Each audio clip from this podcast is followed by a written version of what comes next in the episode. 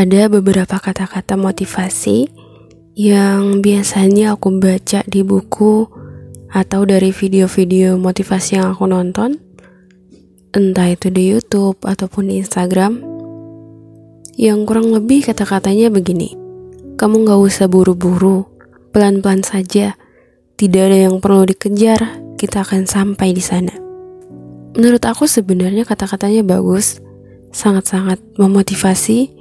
Bahkan dulu ini jadi motivasi besar buat aku karena aku merasa saat itu aku belum punya pencapaian apa pun sementara orang-orang di sekelilingku sudah begitu banyak pencapaian dalam hidup mereka.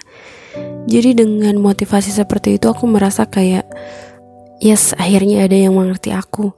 Benar ya nggak perlu buru-buru tetap akan sampai kok ke tujuan. Tapi setelah beberapa waktu terlewat, aku sadar dengan memegang motivasi tadi, aku benar-benar stay di satu tempat alias gak ada progres, gak bergerak ke mana-mana. Dalam waktu yang tidak sebentar aku hanya di situ-situ saja. Dan ternyata orang seperti aku ini, untuk orang seperti Wiwi ini kalimat motivasi gak usah buru-buru, pelan-pelan saja, itu gak cocok. Kalimat motivasinya bagus, tapi untuk aku itu kurang lengkap. Karena memang sebenarnya aku tuh nggak mau buru-buru, pengennya pelan-pelan aja, santai, tidak perlu kejar-kejaran. Tapi aku sadar seorang Wiwi, kalau dibilang nggak usah buru-buru, dia akan kebablasan santainya. Jadi benar-benar slow down dan hampir nggak berprogres. Yes, ini adalah sisi gelap seorang Wiwi. Yang terlambat aku sadari, tapi insya Allah semoga nggak terlambat-terlambat banget ya. Kita memang gak usah buru-buru, pelan-pelan aja, biar nggak capek. Tapi kita harus punya target, tetap harus ada tujuan, tetap harus ada deadline, tetap harus menentukan progres yang ingin kita capai, tetap harus berani mengambil resiko, tetap harus berani mencoba, dan tetap harus punya impian besar. Menurutku mengejar impian itu bukanlah hal yang salah sama sekali. Punya target bukan hal yang salah, punya impian yang besar bukan hal yang harus ditakutkan. Dan aku merasa salah satu perbedaan yang sangat-sangat besar saat aku punya impian besar dan saat aku tidak punya impian sama sekali adalah di mana saat aku tidak punya impian atau belum tahu apa impianku, aku malah hanya menonton pencapaian-pencapaian orang lain, fokus pada kesuksesan orang lain, fokus pada hidup orang lain, lalu kemudian merasa rendah diri, merasa terlambat, dan mengeluh. Tapi saat aku punya impian besar, aku bisa fokus untuk berproses bertumbuh menjadikan diri sendiri lebih baik dari kemarin, berusaha memikirkan cara terbaik untuk menuju pada impianku, membuat rencana dan target, terus-terusan berusaha untuk improve diri, menambah ilmu, memperbaiki kebiasaan-kebiasaan yang kurang baik. Aku berusaha mengenali diri sendiri, mencintai diri sendiri. Aku juga punya topik panjang yang aku diskusikan dengan Sang Pencipta dalam doa. Iya, Aku fokus pada diriku sendiri. Aku fokus pada prosesku. Aku fokus untuk menjadikan diri lebih baik dari sebelumnya. Tidak terpaku pada pencapaian orang lain, tidak terpaku pada kesuksesan orang lain.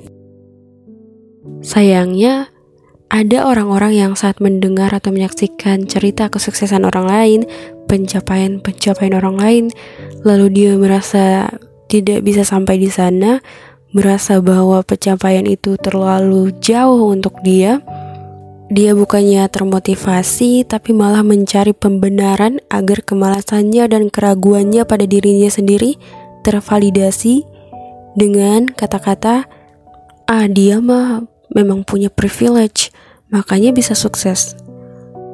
Ah, palingan juga beli followers, makanya bisa sebanyak itu dalam sebulan. Oh, dia kan memang terakhir kaya Yes, memang gak salah. Kadang orang-orang yang memiliki privilege, seperti terlahir dari orang tua yang kaya raya, memiliki paras yang tampan dan cantik, pendidikan yang bagus, dan lain-lain, biasanya akan lebih mudah mencapai impiannya kalau dia tahu cara menggunakannya dengan baik, tepat, dan bijaksana. Tapi, banyak loh yang gak punya privilege itu, tapi tetap bisa membuktikan bahwa dia sukses hanya karena dia merahasiakan prosesnya dan kita cuma melihat hasil kesuksesannya, bukan berarti dia bisa tiba-tiba sukses tanpa usaha, tanpa pengorbanan. Jadi, jangan jadikan kata dia bisa sukses karena privilege sebagai alasan untuk takut memiliki impian besar dan tidak yakin dengan kemampuan diri sendiri sehingga menjadi mental block. Cerita-cerita sukses orang lain, pencapaian-pencapaian orang lain, memang tidak ada salahnya untuk dijadikan motivasi, dijadikan sebagai pembangkit semangat. Tapi memang akan menjadi salah kalau kita jadikan kesuksesan orang lain sebagai standar yang harus kita ikuti atau goals yang harus kita capai. Kita punya jalan cerita masing-masing, cerita kesuksesan orang lain tidak sepenuhnya mencerminkan perjuangan mereka. Bisa jadi ada beberapa hal yang memang sengaja tidak diceritakan, jadi cukup dijadikan motivasi dan set your own goals buat tujuan kita sendiri, buat proses kita sendiri. Dan salah satu hal penting yang akan mencegah kita dari kata menyerah adalah fokuslah pada proses, bukan pada hasil. Lakukan yang terbaik, buatlah progres sekecil apa pun tiap hari. Lalu serahkan pada Allah hasilnya. Karena masalah hasil itu sudah di luar kendali kita, apa pun hal yang sedang kita perjuangkan sekarang, kita hanya perlu melakukan yang terbaik. Buatlah langkah-langkah setiap hari. Nikmati prosesnya, syukuri perjalanannya, biarkan hasilnya menjadi bonus yang akan Allah berikan kalau sudah waktunya. Pada akhirnya, kita akan berjalan pada takdir kita masing-masing, kita akan memiliki cerita kita masing-masing, memiliki perjuangan masing-masing, dan kita akan sampai pada impian kita masing-masing. Kalau kita tidak sampai pada tujuan yang kita buat, maka kita akan sampai pada tujuan yang Allah takdirkan untuk kita. Kalau tidak berjalan sesuai rencana kita, maka akan berjalan sesuai rencana Allah. Tidak ada yang buruk, dua-duanya baik untuk kita Bahkan rencana Allah pasti yang terbaik. Allah mengizinkan kita untuk memiliki impian yang besar. Semoga Allah mengizinkan kita juga untuk segera mewujudkannya. Amin ya Rabbal 'Alamin.